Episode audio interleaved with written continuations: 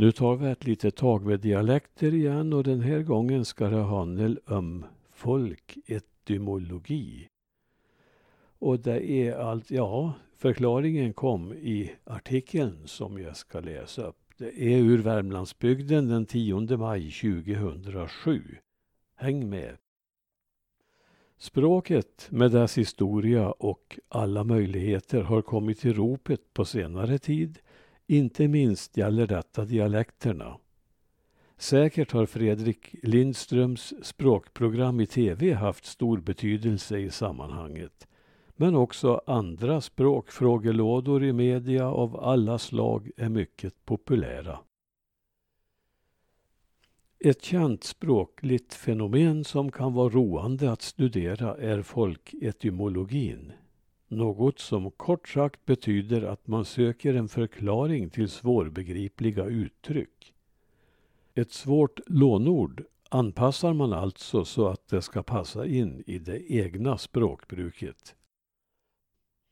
En hel del kända exempel finns. Mustasch har blivit muntage på grund av dess närhet till munnen. Reumatism ändrades på sina håll till ryggmatism, eftersom man nog misstänkte att den kunde sätta sig i ryggen. Vad kan då vara mer naturligt än att forma om det otympliga ordet charkuteri till skärkötteri? För det är ju just kött man skär på detta ställe. Universitet blev med samma strålande logik undervisitet och alla som kan sin fröding vet att svampinjoner är detsamma som champinjoner. Armbåge är ju ett ord som är lika accepterat som logiskt men från början hette det alnbåge eftersom man just därifrån mätte en aln till fingertopparna. Från den svårbegripliga franskan har vi fått det nog så svårförklarade ordet följetong. Ursprunget är feuilleton, ursäkta uttalet, som lär betyda litet blad. Franskan har också bidragit med ordet necessär som vissa tolkat till recessär, eftersom det är något man har med på resan.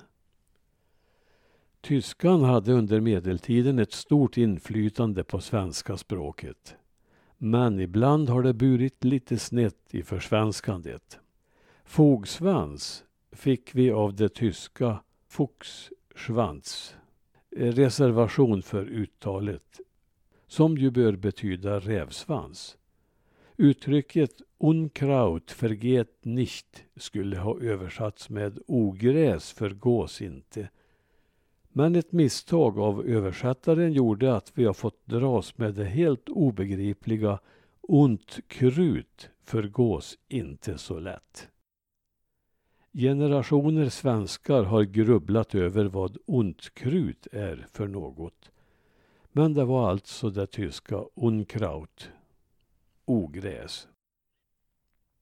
Av tyskans Schnellzug, som egentligen betyder snabbtåg, blev det snälltåg.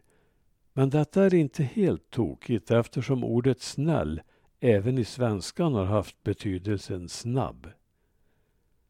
I dialekterna har det levat kvar. Detta var inte snällt gjort, sa också gamle farfar om något som inte var kvickt uträttat.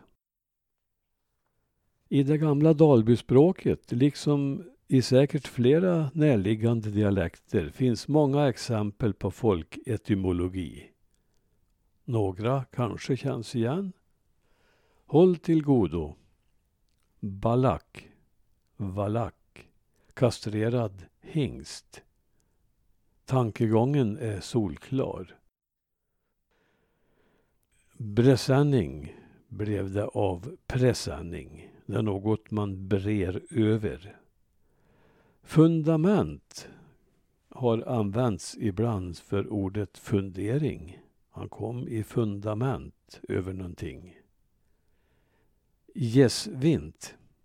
Snabbt och smidigt för geschwint.